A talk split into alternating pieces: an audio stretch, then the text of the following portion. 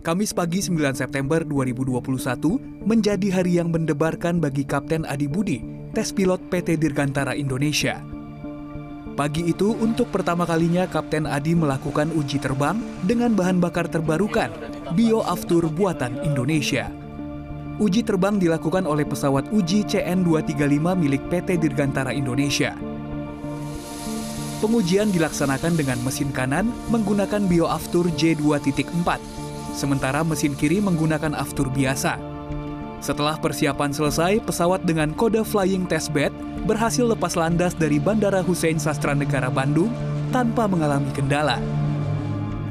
Tadi kita sudah uh, melaksanakan tes dengan menungga, menungga, uh, menggunakan uh, bioaftur. Bioaftur ditaruh di wing tank sebelah kanan dan jet E1 di sebelah kiri.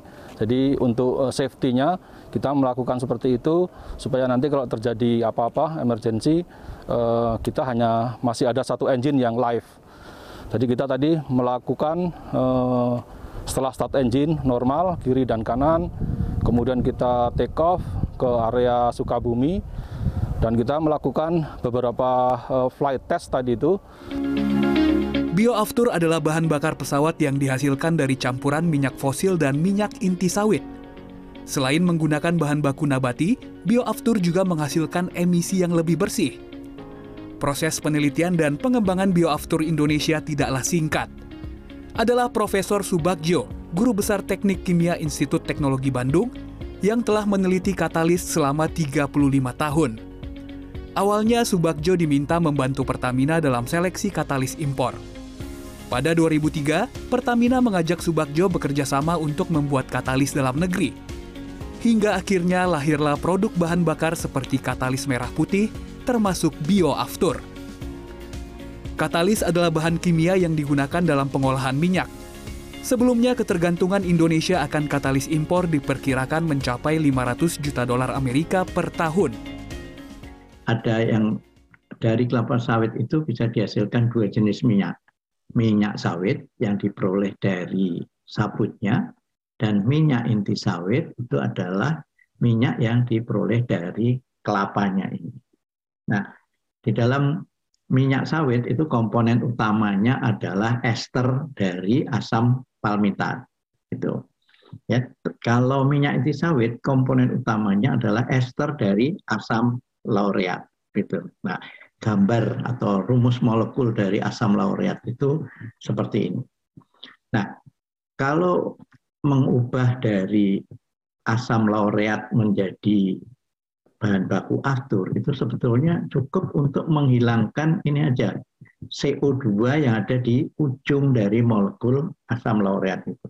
Kalau CO2 ini disingkirkan maka akan terbentuk hidrokarbon seperti ini ya yang disebut undekana dan ini adalah uh, komponen utama di dalam uh, aftur. Saat ini Pertamina baru memproduksi bioaftur dengan kandungan minyak nabati 2,4 persen. Dalam seremoni keberhasilan uji terbang pesawat CN-235 menggunakan bioaftur, Pertamina menyatakan kesiapan untuk memproduksi bioaftur secara komersial. Namun, Pertamina membutuhkan dukungan kebijakan dari pemerintah. Bicara tentang kesiapan, keberlangsungan, tentu kita harus melihatnya secara value chain secara utuh karena ini ada bahan baku yang tidak dikontrol uh, oleh Pertamina yaitu adalah CPO. Namun di sini dengan uh, komitmen dari pemerintah dan juga industri CPO, kita berharap ini ada suatu kebijakan yang utuh dari hulu ke hilir.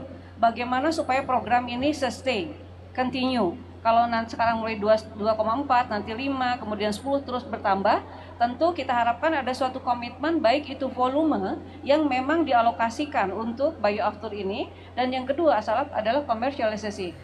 Sesuai dengan peraturan Menteri ESDM nomor 12 tahun 2015, kandungan bahan nabati pada bahan bakar aftur harus ditingkatkan menjadi 5% pada 2025.